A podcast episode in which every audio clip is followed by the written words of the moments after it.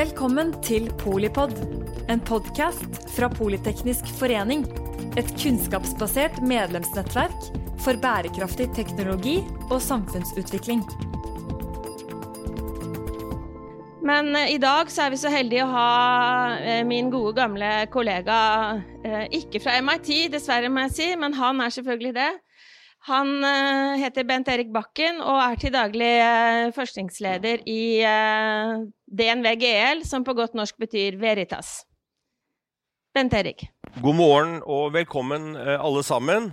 Eh, Dagens tema er jo eh, om ulikhet er en forutsetning for innovasjon og velferd, eller om det faktisk er slik at innovasjon og velferd hindres av økonomisk ulikhet i et samfunn. Jeg vil først gå gjennom Uh, Piketty og MIT og forbindelsen eh, der, før jeg gir ordet til uh, Ole Jems Onsdag uh, og Kalle Mone. Det er altså slik at også DNV GL, Veritas, er opptatt av ulikhet.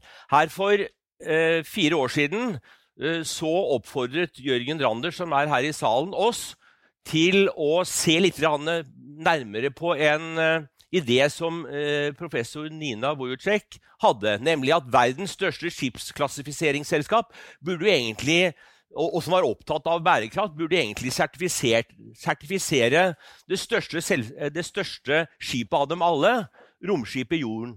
Og det gjorde vi faktisk. Eh, Vi satte opp FNs 17 bærekraftsmål, og så da laget en modell, inspirert av Jørgens, om fremtidens utvikling. Og det vi da finner, er et broget bilde forskjellige steder i verden om disse 17 bærekraftsmålene da blir nådd. Og noen nås fullt i noen regioner, men ingen regioner når alle, alle bærekraftsmålene. Og så er det faktisk slik at det er to mål. Mål nummer 13 om å begrense klimautfordringene. Der er det røde lys i absolutt alle regioner i verden. Og også nummer ti om å redusere ulikhet er eh, et mål som vår analyse viste at vi ikke vil eh, klare å signifikant bevege oss mot.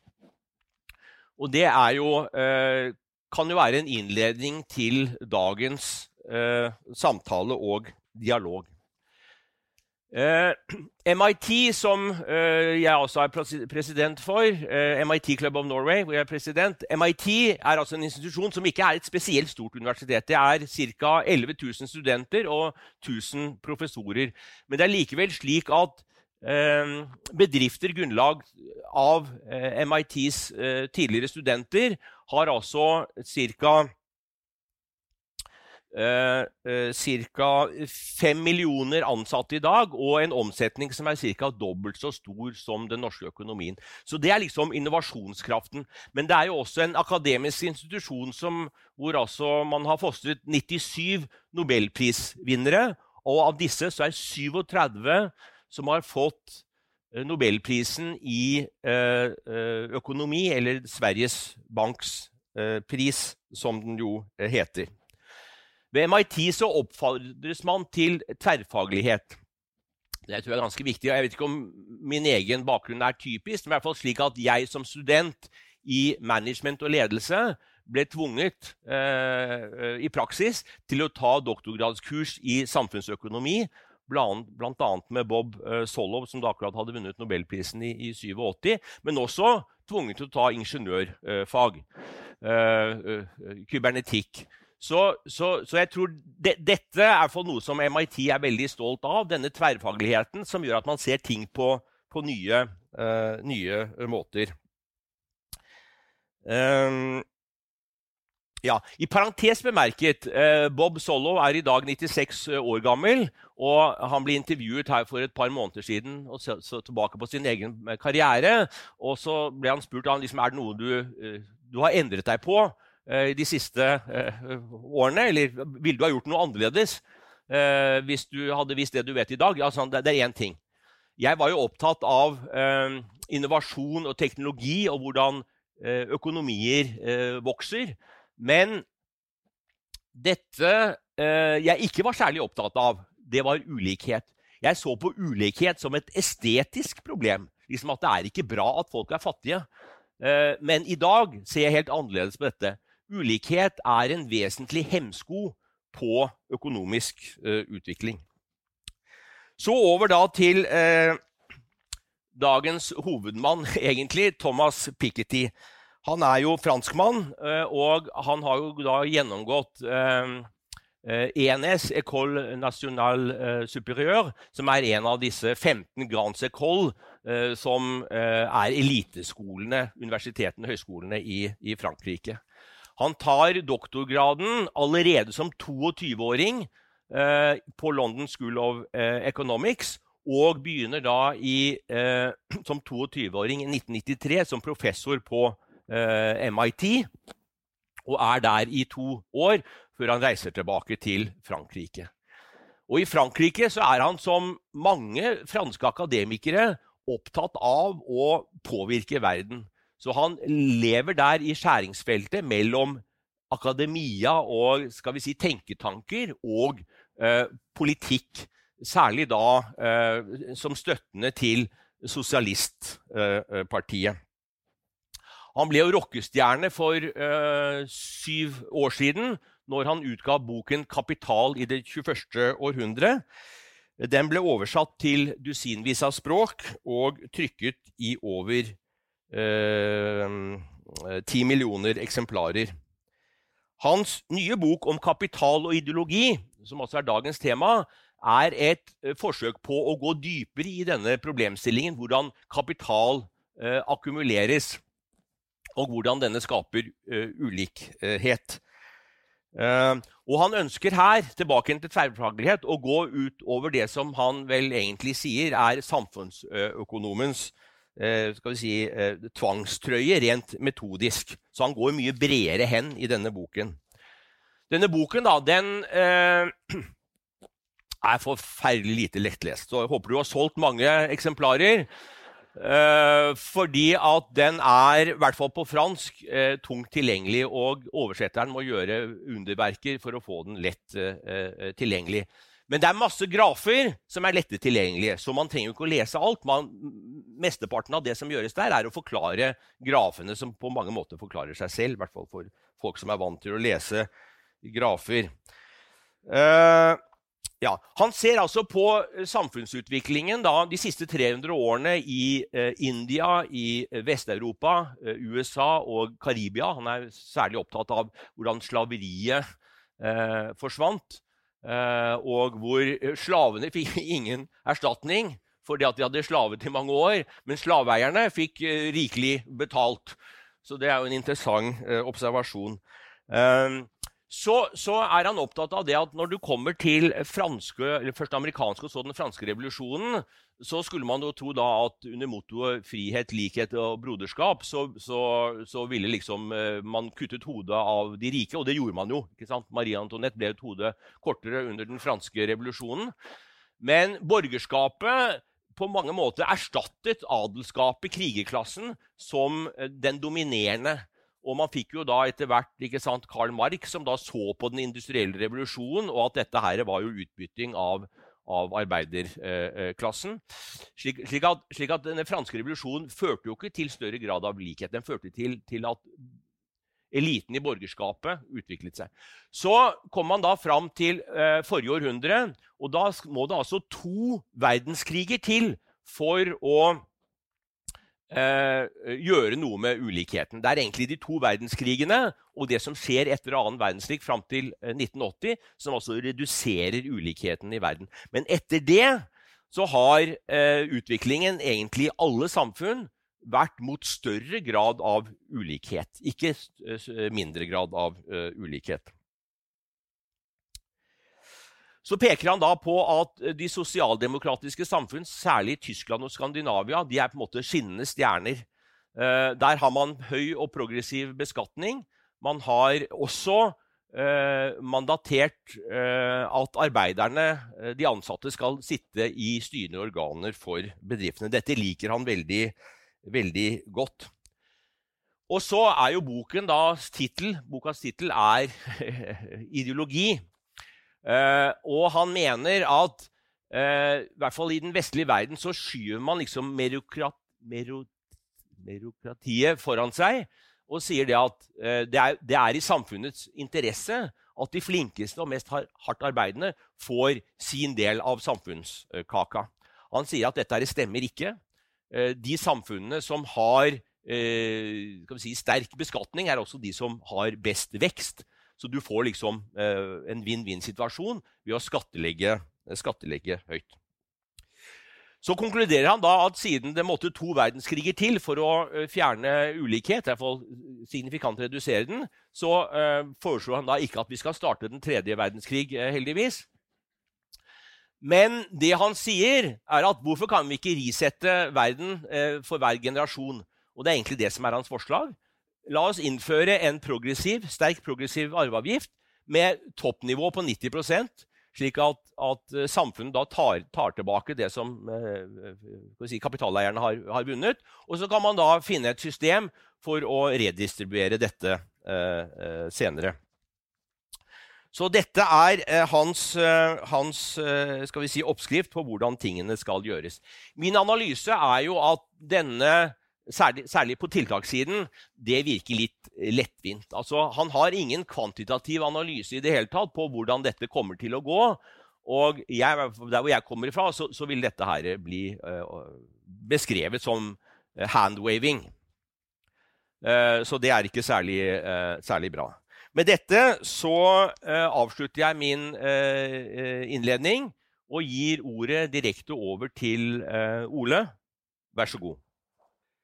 Jeg høres litt forkjølt ut, og det er jeg. Men det er ikke covid-19. Min særboer og venninne er professor i medisin og overlege, så jeg er under god supervisjon, hadde jeg sagt. Jeg takker for å bli invitert. Det som jeg ikke var klar over at det er et lanseringsmøte. Fordi sier man ja til å komme på et lanseringsmøte, så skal man være litt positiv. Jeg er veldig negativ til Piketty. Og jeg kommer til å være det gjennomført. Han tilhører dem som jeg syns altså, åpenbart svært intelligent, men uklok. Og eh, disse bøkene som eh, Altså, jeg har vært gjennom begge to. Treffer jeg noen som påstår at de har lest de bøkene, behøver jeg ikke en løgndetektor, fordi det Altså, jeg er ikke enig med Bent Erik i at dette er liksom vanskelig tilgjengelige bøker. Men jeg er kjempeglad i å lese. Men dette er bøker som er tunge å lese fordi de er gjentagende, deres uklare. Massevis av stoff du ikke behøver for å få tak i hoderesonnementene. Piketty er jo veldig sånn opptatt av det franske. Og eh, skryter at han ikke har reist noe særlig utenfor Frankrike, vært på MIT, men så kom han seg hjem, og da ble han stort sett i Paris. Og han altså Veldig mye fransk historie som er helt uinteressant synes jeg, for de store linjene i den detaljgraden han holder på, osv. osv. Begrepet ideologi er veldig sentralt.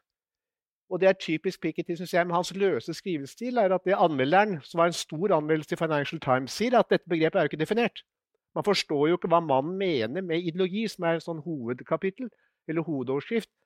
Og anmelderen i New York Times, nei, i Financial Times endte med å si at det ser ut til at han mener en eller annen form for hjernevasking. Og eh, det som også gjelder Pikettys eh, og det som gjelder debatten her, da, så får ikke Mone og jeg anledning til å liksom debattere hverandre, for det er ikke til. altså Han kan uh, parkere meg, men jeg får ikke parkert ham etterpå. Men, uh, men, jeg tror ikke det spiller så veldig stor rolle, for jeg tror vi snakker veldig forbi hverandre. altså Jeg tror vi er veldig uenige, slik at det er greit nok.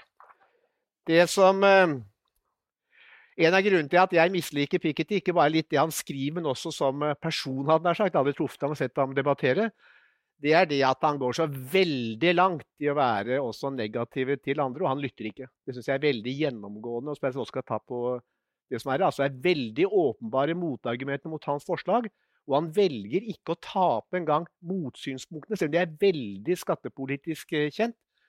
Og han sammenligner f.eks. Macron har jo ikke da altså Piketty er veldig for formuesskatt, så fjerner da på en måte Macron formuesskatten i Frankrike.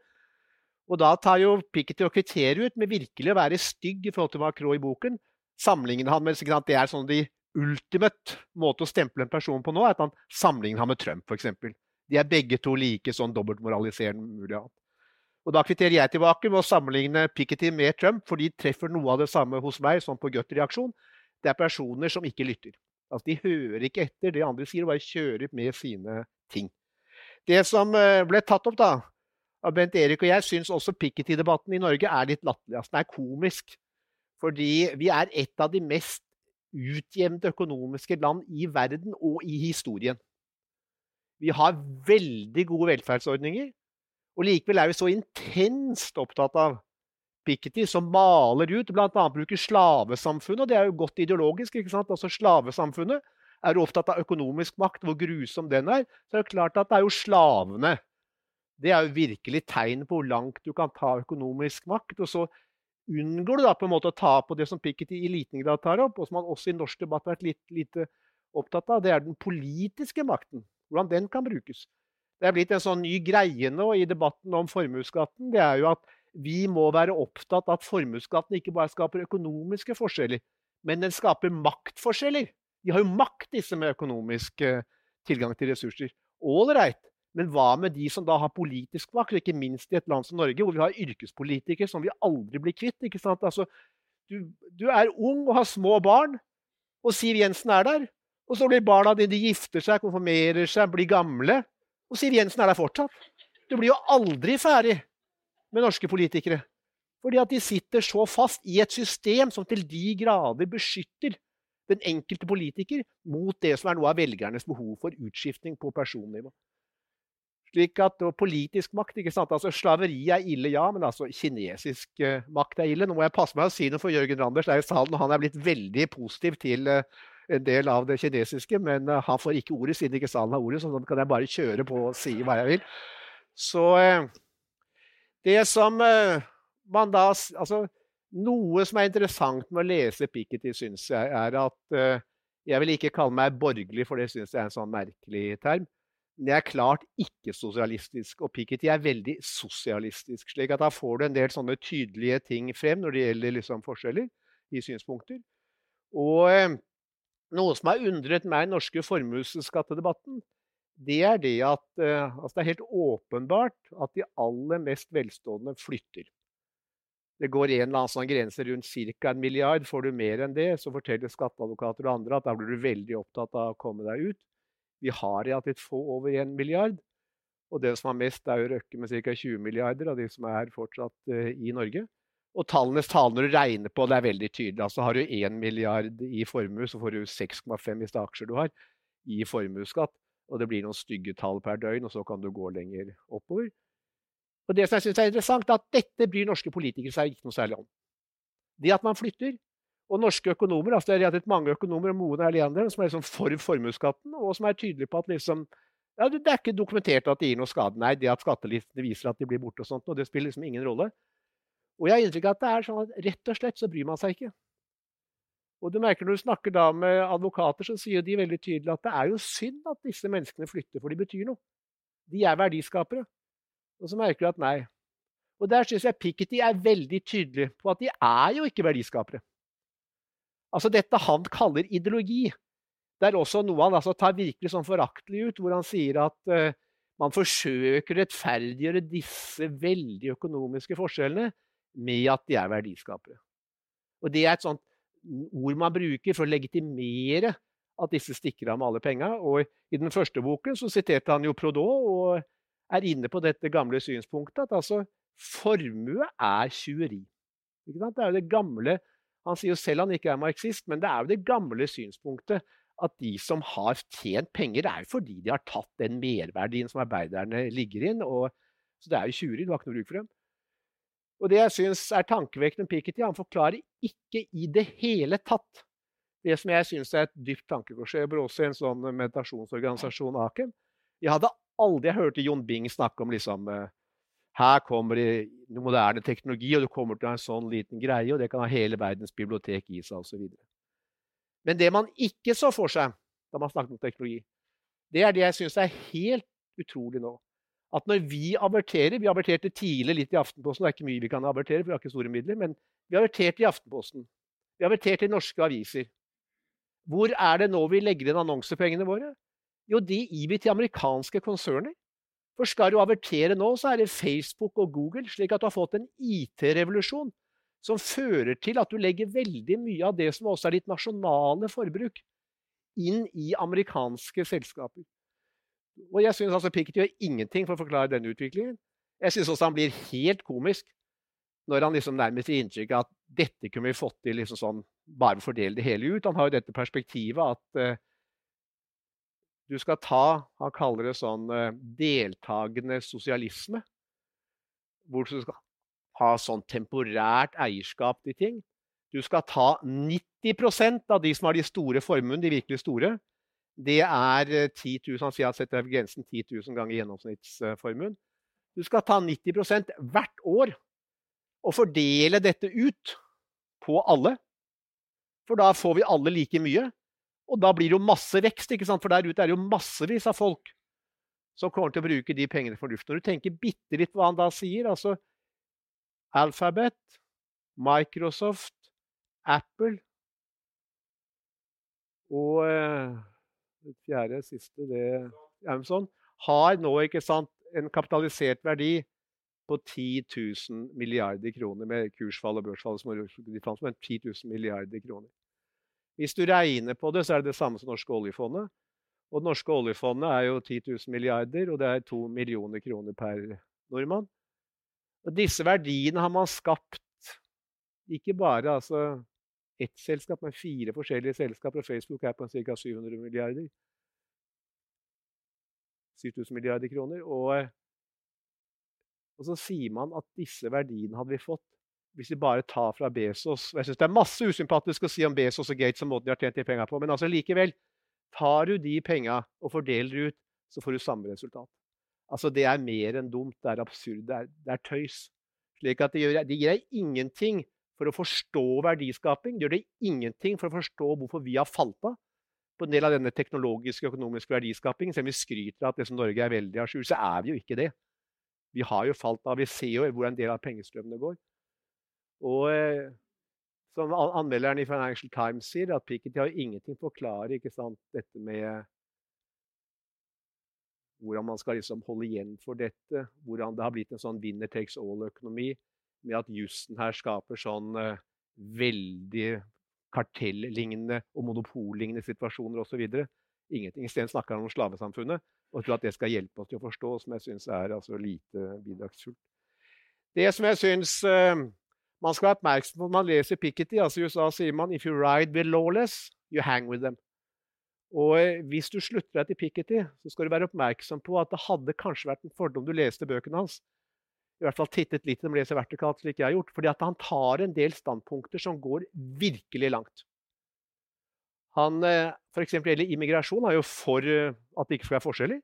Og det er jo en helt enkel konklusjon at hva skal vi da med grenser? Det skaper jo forskjeller. Det skaper geografiske, økonomisk bestemte forskjeller. Så han er for åpne grenser helt. På litt sikt, da. Han sier i forhold til Frankrike hvorfor skal det være sånn at man har et femårskrav før du tar del i velferdsstatens ytelser hvis du kommer til Frankrike? Det bør vi jo liksom få bort.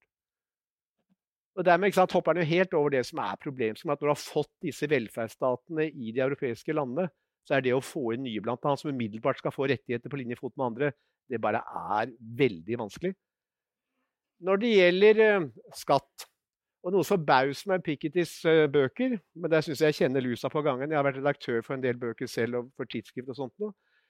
Og det er disse folka det er umulig å snakke med, for de tar ikke feedback. Jeg tror Piketty er i en posisjon hvor forlaget kan helt få greit. Ikke? Ok, vil du, en, vil du, ikke ha en bok som selger millioner eksemplarer, så gå et annet sted. Og da tar jo forlaget og sier ja vel amen.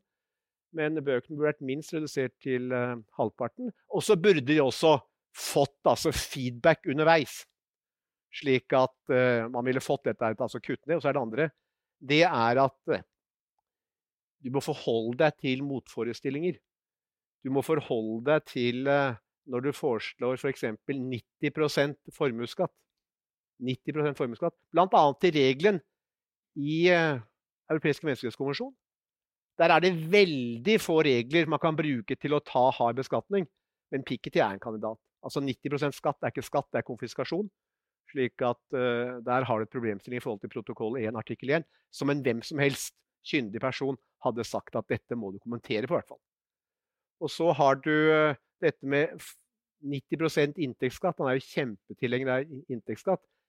Vel, vi hadde en utvikling hvor vi hadde skattereformen på 80-tallet. Og det kan være du er dønn uenig med dem, men du må kommentere når du er for høy progressiv inntektssats, så må du kommentere at en av grunnene til at vi gikk bort fra det, var at den effektive skattesatsen var langt lavere. Slik at det var ikke så stor forskjell å gå fra formelt progressive satser til mer moderate progressive satser. Fordi de effektive skattesatsene var lavere. Og Det som jeg syns er rimelig fantastisk med Pikti, er at dette kommenterer han ikke engang på. Det kan godt være at han er uenig i det, men han må kommentere på det. Slik at uh, han kommenterer på formuesskatten, syns også er helt fantastisk, hvor han da skriver om formuesskatten og sier at men det er jo ikke et argument at vi ikke kan ha formuesskatt fordi det er vanskelig å registrere finansielle aktiva. Og det er sånn et argument da mot opphevelsen av formuesskatten i Frankrike. Det som var et veldig sentralt argument bak opphevelsen av formuesskatten i Frankrike, det var at folk flyttet. Og det er det som er det sentrale argument mot formuesskatt i Norge, som nå det eneste land ved siden av Sveits, og for en liten marginalting. Belgia og Sveits har langt, langt lavere formuesskatt enn det vi har, så det er bare tøys å sammenligne. Så så er det at du kan flytte. Altså største, En av Norges største eiendomsbesittere var intervjuet Dagens Næringsliv for litt siden. Hvorfra? Jo, intervjuet fant sted Strømstad. Altså, det er ikke verre. Flytter du til Strømstad, så er du kvitt den norske formuesskatten. Slik at vi er liksom et av de få landene Det kommer til heller, ikke Piketty på. slik at Det jeg syns liksom er noe av det tankevekkende, er at dette er åpenbare motforestillinger. Og skal du skrive faglig, så er du nødt til å ta det opp. Slik at uh, og så syns jeg disse som da på en måte er for at det skal bli kvitt enhver form for ulikhet i Norge, de er nødt til å fortelle oss OK Hvis du, ikke, hvis du skal ha enda mindre ulikhet enn vi har i Norge, så er du nødt til å forklare hvordan skal da privat næringsliv. Fordi på et eller annet tidspunkt så er du nødt til å anerkjenne at skal vi ikke alle bo i akkurat samme leiligheten, akkurat samme jobben, og da må du bo i samme leilighet på samme sted i Norge, så er du jo nødt til å eh, godta at det er visse forskjeller. Spørsmålet er hvilke forskjeller vi skal godta. Og det er noe helt annet.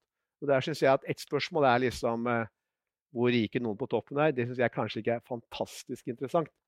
Men jeg synes at det må bort fra, det er jo at du har folk i bunn som lider. Og det syns jeg liksom de forskjellene som resulterer i lidelse, det er noe særskilt. Det er et etisk spørsmål. Men jeg syns uh, min venn Piketty er langt vekk fra det. Ja, da tror jeg jeg har tatt mine 20 minutter, så da sier jeg takk. Da har vi fått vite hva Piketty noe av det Piketty sier, og noe av det vi er uenige med Piketty om. Men uh, du spurte rett og slett uh, Ole om et spørsmål. Og siden vi har fem, tre minutter, så kan jo du få svare. Hvordan vet du det? At formuesskatten er så dårlig idé? Det har vi en del uh, data for. Og det som For det første, det er ikke en katastrofe. Men du kan også tillate deg, uten at du kan ha en kvantitativ basert helt sikker viten tillate arbeidet ut fra det som er rimelige antagelser, ut fra de dataene du kan ha. Når det gjelder fraflytting av Norge, som jeg arbeider eh, noe med, så, eh, så, er det slik at du rett og slett har så lite tall at du får ikke brukt skatteetatens eh, statistikk og databaser. For det er slik at hvis du har tall, og det er ikke flere enn ti av de med mer enn 1 milliard i året som flytter fra Norge, og når du er under ti og henter ut tall, så er det ikke lenger statistikk. Da er det slik at du kan identifisere en person, du har ikke lov til å bruke det. Så du får ikke ut tall som gjelder mindre enn ti per person i året. Men vi har for eksempel, eh, men du kan bare lese skattestatistikken, så ser du. Og der er, altså, er det en forskjell, tror jeg, i holdning også, ut fra det at uh, altså hvis de som har de som har skapt de større verdiene i Norge, flytter, så mener jeg at man kan si at det er uheldig, uten at man igjen kan liksom legge frem en kvantitativ undersøkelse som tar det helt ut. Og så er dette med folk som flytter til Norge. Der ser vi helt tydelig at det er ingen som flytter til Norge selv så langt ned som 300 millioner i formue.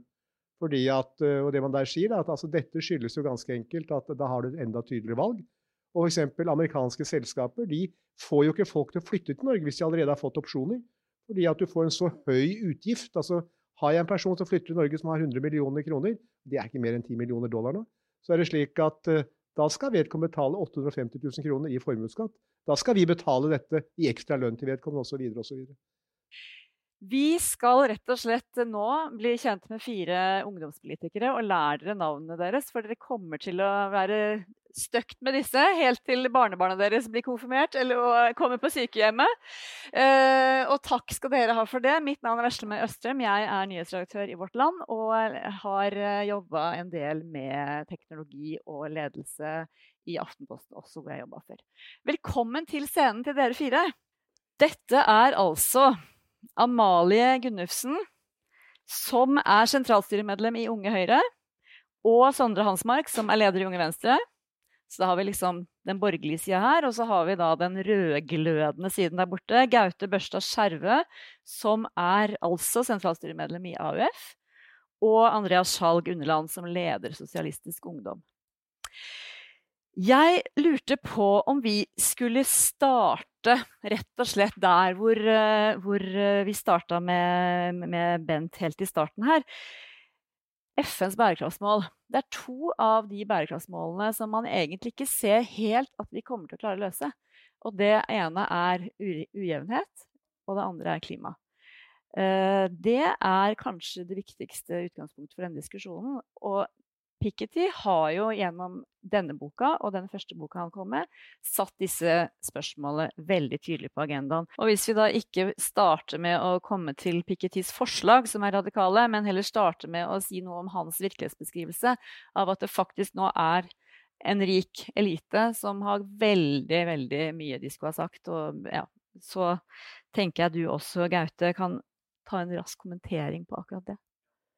Ja, jo, eh, også når vi i AUF reiser rundt vi som er tillitsvalgte der, og møter medlemmer, unge 14-15-åringer i lokallag fra Hammerfest i nord til Kristiansand i sør, så opplever jeg at eh, ungdom er reelt bekymra for at noen sitter igjen med veldig mye av kaka, mens veldig mange ikke har så mye igjen.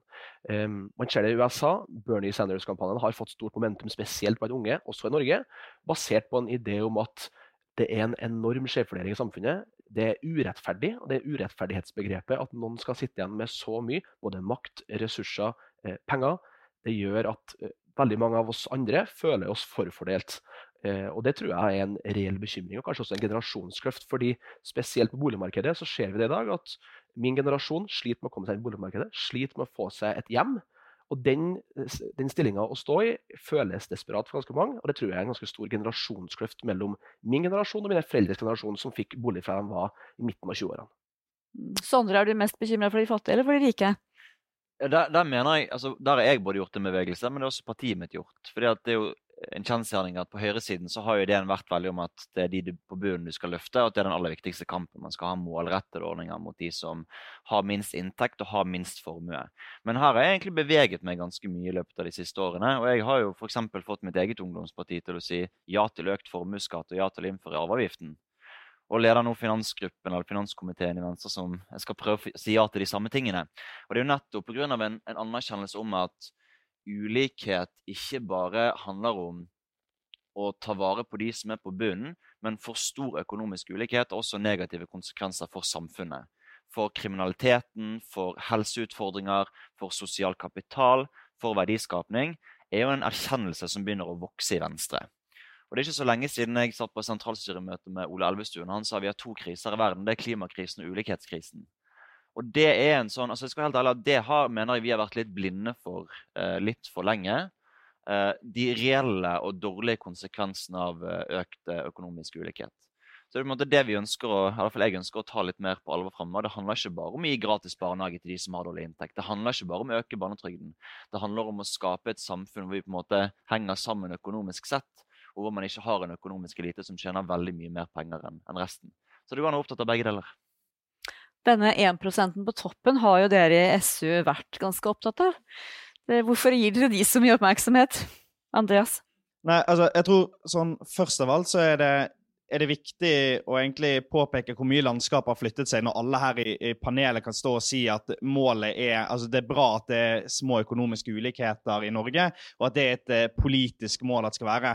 Eh, for det er ikke gitt at man mener det. Det er ikke gitt at man faktisk kommer frem til den konklusjonen. Og det er ikke veldig mange programmer siden det sto i både Høyre sitt og Frp sitt program at det er, er ikke fellesskap eller statens oppgave å utjevne de forskjellene som oppstår av eh, dagens økonomiske system. Det er ikke gitt at den flyttingen skulle skje, men det at den har skjedd, Det tror jeg handler om at man har fått en stor debatt eh, etter år 2000 med mange økonomer, bl.a. Piketty, som snakker om hvilken konsekvenser ulikhet har for samfunnet.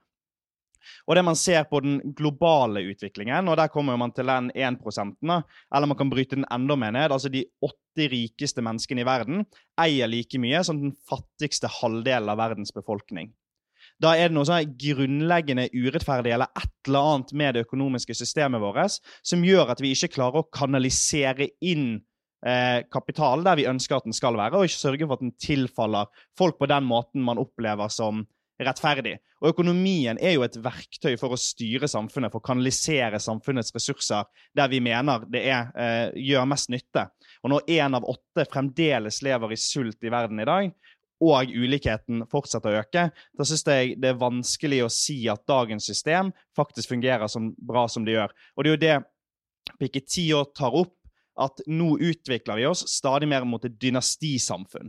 At man ser at de som eier store formuer, det kanaliseres, og det blir hos de som har mye formue fra før.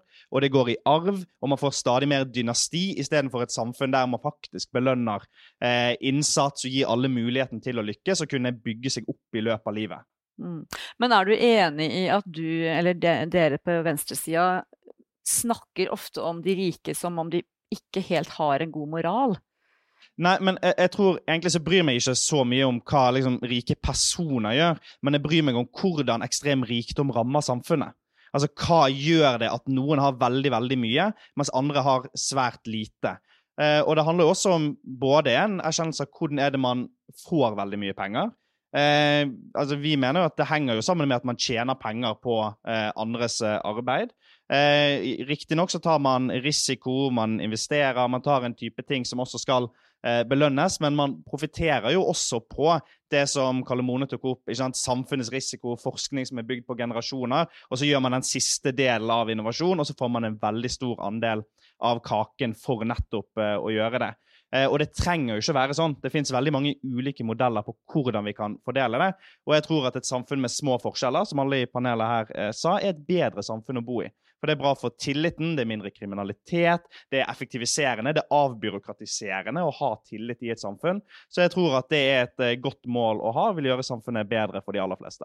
Ok, La oss da ta Pikettys forslag om en ganske voldsom og radikal eh, generasjonsskatt, eller en arveskatt eh, du, hvis du har tjent veldig mye penger, opp i 90 eh, er, det, er, det, er det en god idé? Ok, du syns det var en god idé. Hvorfor er det en god idé? Ja, jeg, jeg kan eh, starte med å si at uh,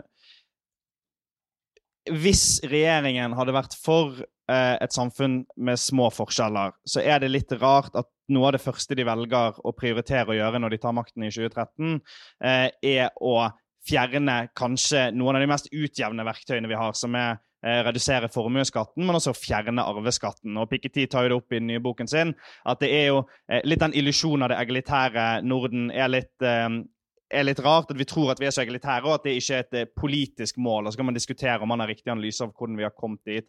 Men han bruker jo eksempelet at eh, dagens regjering var den første eh, vesteuropeiske landet siden Mussolini til å fjerne arveskatten. Og arveskatten er jo egentlig helt genial hvis man vil motvirke generasjonsforskjellene og fremvekstingen av dynastier. I Norge i dag så er to tredjedeler av de 100 rikeste de har arvet formuen sin eller startet med en stor arvet formue. Da begynner vi å bevege oss vekk fra det likhetssamfunnet vi liker å tro eh, at vi har. Og de aller, aller fleste land har jo arveskatt. altså Storbritannia og USA er oppe på 40% Japan er oppe på 55% Og grunnen er jo fordi at man både eh, mener at eh, eh, hvor langt skal den private eiendomsretten egentlig strekke seg? Mener man at den også skal gjelde forbi når en sjøl har opphørt å eksistere? Mener man da at man fremdeles skal få lov til å diktere hva som skjer med den formuen eh, man har, eller mener man at den da kanskje skal tilfalle tilbake igjen til fellesskapet?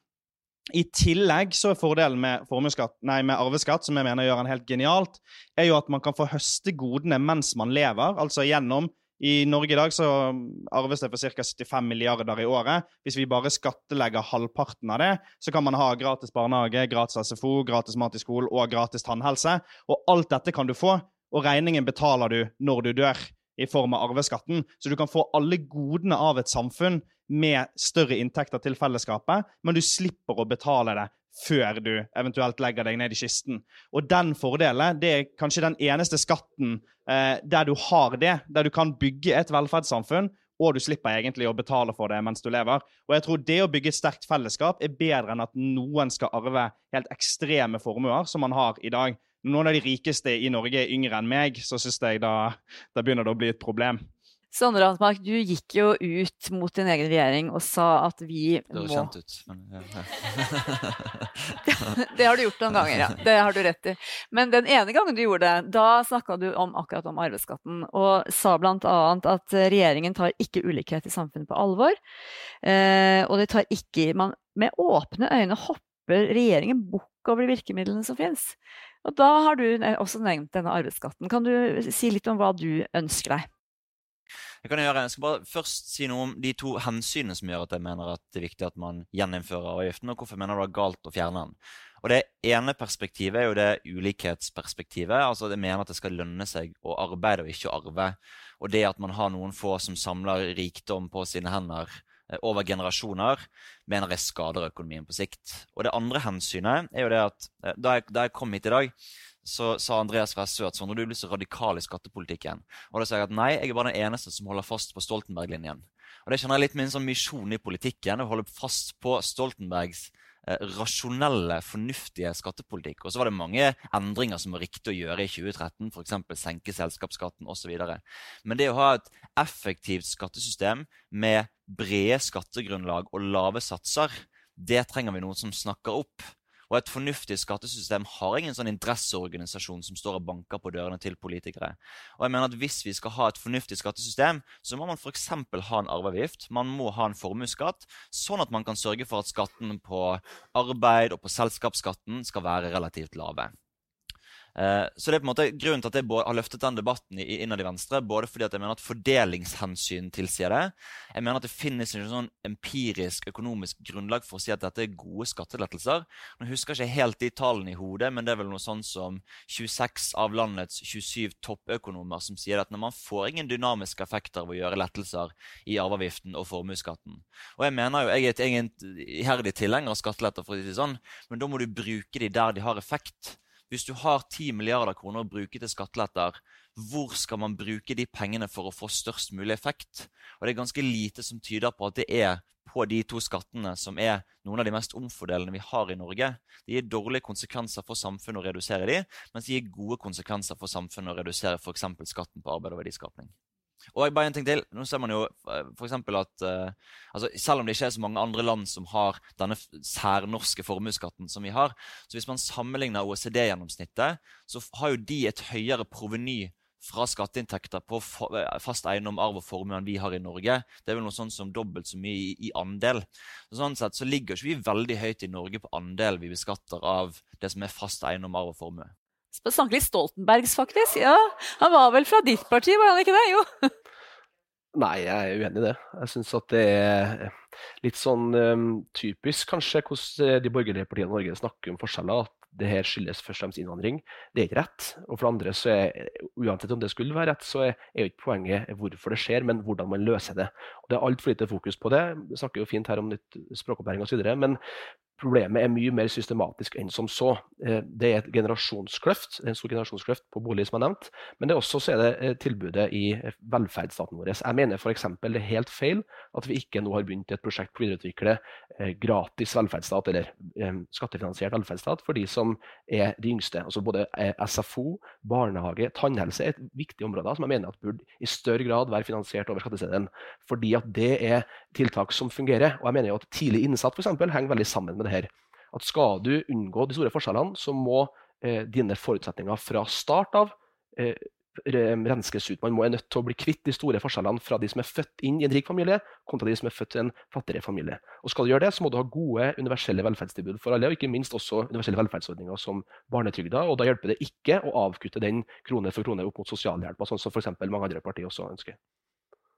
Vi skal eh, gå litt over til uh, internasjonale spørsmål også, men i den norske ulikhetsdebatten vi, vi må jo være enige i at vi tross alt har et, et relativt uh, jevnt uh, samfunn, hvor, hvor uh, aktører, altså de fleste, har, har store muligheter pga. den utdanningspolitikken og velferdspolitikken som vi har kjørt i mange år. Men hva, i, i tillegg til skattesystemet, hva er liksom de viktigste verktøyene dere har i kassa deres? Starte derfra veldig sånn kort. I tillegg til de vi har snakka om allerede jeg tror noe av det viktigste er jo det som skjer i, uh, i arbeidslivet òg. Og jeg tror uh, det man snakker om en høy, uh, høy, grad av andel mennesker som fagorganiserer seg og tar den kampen på hver eneste arbeidsplass, at du skal få en del av de verdiene du er med å skape, er jo helt elementært for å sørge for et samfunn med små forskjeller. Og det at man har trepartssamarbeidet, lønnsforhandlinger og det, ble jo snakket godt om av Kalle Mone. og jeg synes det er, jo, det er jo mye av nøkkelen i Norge for at vi har et samfunn med små forskjeller eh, forskjeller. Nettopp at man klarer å styre fordelingen av eh, gevinstene i samfunnet på den måten. Men der òg er jo utviklingen går i feil retning. Når man ser at de 10 med lavest inntekt ikke har hatt reallønnsvekst de siste ti årene, så klarer vi ikke å sørge for at de som egentlig trenger fellesskapet mest, også får en andel av de verdiene. Og hvis man ser på tallet fra Teknisk beregningsutvalg, så er da arbeiderne i privat sektor de hadde på 80-tallet fikk de 85 eh, av gevinsten. Eh, nå er det nede på 70% Så de får en stadig mindre andel av verdiene de skaper nå, enn hva man fikk før. Det kan si noe om hva som har vært styrkeforholdet eh, når man har drevet lønnsforhandlinger. Det sier noe om at de som eier bedriftene, sitter igjen med mer, mens de som skaper verdiene faktisk hver eneste dag ute på arbeidsplassene, får en stadig mindre andel. Men, men tror du ikke at i den tida vi lever i nå, hvor innovasjon er så viktig, at det faktisk er viktig at eierne sitter med en god del av kapitalen? Altså, jeg tror altså, Mye av innovasjonen skjer både i det private næringslivet, men det skjer også i det offentlige. Og når man snakker om gevinsten av produksjonen, når andelen av det blir mindre, så blir også forskjellene større.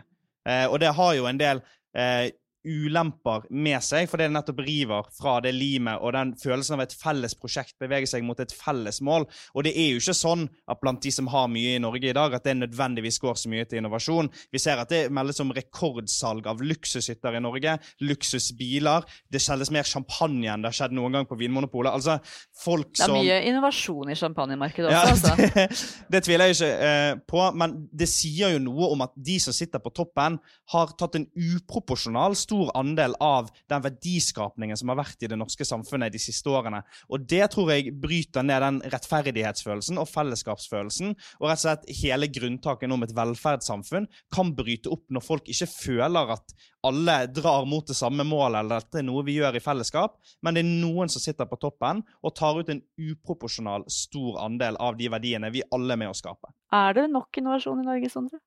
Gjør, bruker eierne disse pengene de nå har fått mer av? Nei, det, det, gjør man jo på ingen måte. Eh, og man ser at Hvis man holder eh, oljenæringen utenfor, så har jo Norge en negativ handelsbalanse som vi kommer til å slite med å rette opp i med det første. Eh, og hvis du sammenligner oss med f.eks. Sverige, som er liksom, i front på teknologisk utvikling, så er jo Norge et tilbakestående land på disse tingene. Vi er jo et land som lever primært av råvarer og naturressurser. Og den tiden hvor vi ikke kommer til å leve like mye av det, så kommer vi til å slite. Men jeg har ingen tro på at det liksom er sånn her at det er formuesskatten som er det verste her, eller at det er arveavgiften som hindrer innovasjon og verdiskapning. Jeg tror man har, man har jo klart å løse en del ting i Norge på en god måte. Vi har jo hatt en ganske god produktivitetsvekst, og vi har hatt en ganske produktiv arbeidsstyrke. Og Litt av grunnen til at vi har fått det, er jo nettopp det som blir pekt på her, at vi har hatt en sammenpresset lønnsstruktur. Vi har hatt sterke parter i arbeidslivet hvor man konkurrerer om kompetanse og ikke lønns- og arbeidsvilkår, er jo viktige deler av den norske modellen. Og Det var vel The Economist som, som kalte det for The Next Supermodel, med bilde av en norsk viking. Og det er liksom Poenget at dette er en ganske god måte å organisere økonomien på. At man har sentral lønnsdannelse, at man har sterke parter i arbeidslivet som driver fram teknologisk utvikling. Men så skal man jo ikke minst drive også utjevning ved, ved, hjelp av velferdsstaten. Og For å si det på en eh, veldig sånn kjip, men ærlig måte Noe av det regjeringen har gjort de siste årene, er å gjøre det litt lettere å være fattig. Hvis man f.eks. gir gratis kjernetid i barnehagen, hvis man gir sånn fritidskort som gjør at ungdom kan delta på fritidsaktiviteter De gjør ikke noe med statistikken, men det er en annen målretning av velferdsstaten som også trengs, i tillegg til alt det andre vi gjør av omfordeling via skattesystemet. Og så dere har pynta litt på Ja, men vi, vi, kan kalle det en pynting, kan være så ærlig, men altså, det er fortsatt viktige tiltak, og det mener jeg er helt riktig å prioritere. Og sant, jeg også skulle gjerne ønske at vi kunne ha et samfunn hvor liksom man hadde gratis tannhelsetjenester, gratis barnehage, gratis SFO.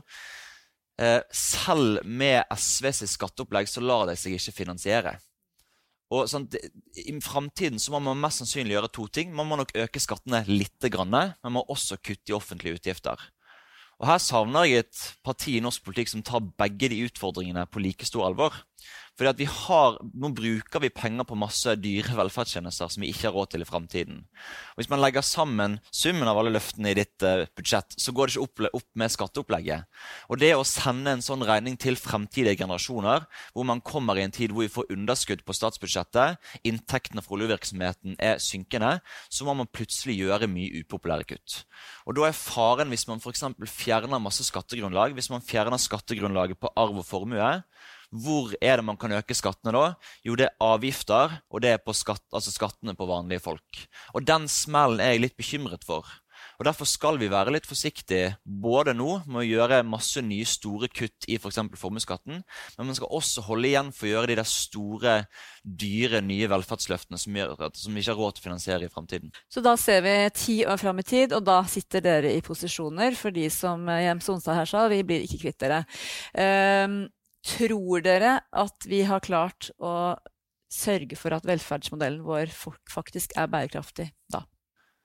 Ja, jeg, jeg, tror det. Spørsmålet er bare på hvilken måte man gjør det. Sant? Man, jo, man kan f.eks. klare det i Hellas med å gjøre masse upopulære kutt, men du ser hva som skjer måte med politikken og hva som skjer med protestene der.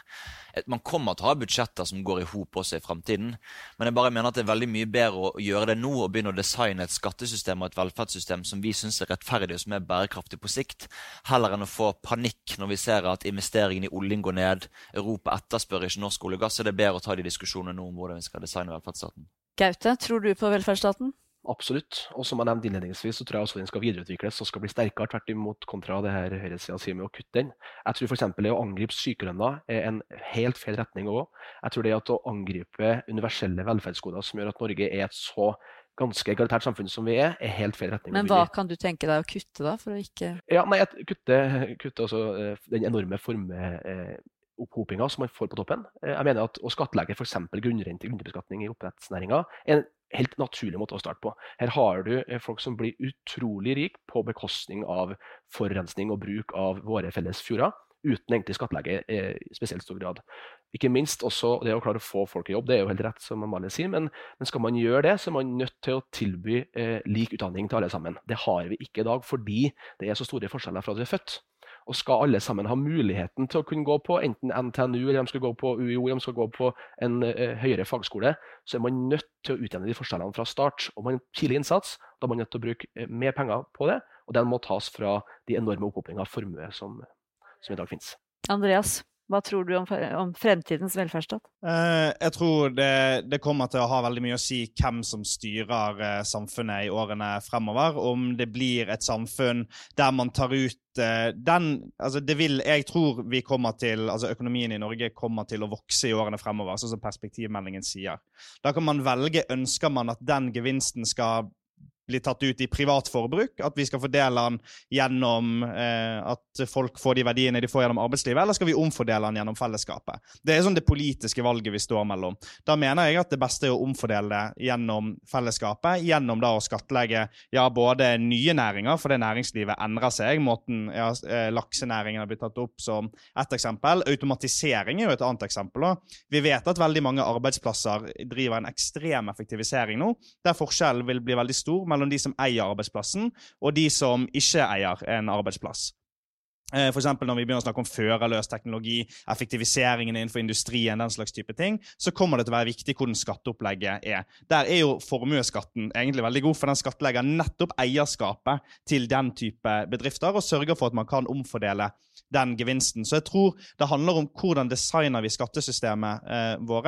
Skal vi ta det gjennom avgifter som rammer flatt, så uavhengig av størrelsen på lommeboken din, som folk som gir en massiv motstand, vi ser jo det bare i bompengediskusjonen, eller skal vi ta det gjennom et progressivt skattesystem, gjennom arveskatt, gjennom formuesskatt, eh, gjennom inntektsskatt, selskapsskatt, andre typer skatter? Eh, jeg tror det er en god idé, og jeg tror det er den eneste måten å sørge for at vi faktisk kan utvikle velferdsstaten, og det er det folk vil også når du blir spurt. 70% av Norges befolkning vil øke skattene dersom de får mer velferd tilbake.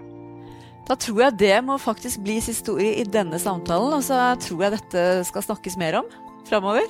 Takk skal dere ha. Takk for at du lyttet til Polipod fra Politeknisk forening. Få med deg flere episoder, eller bli med på nettverksmøtene som du finner på at polyteknisk.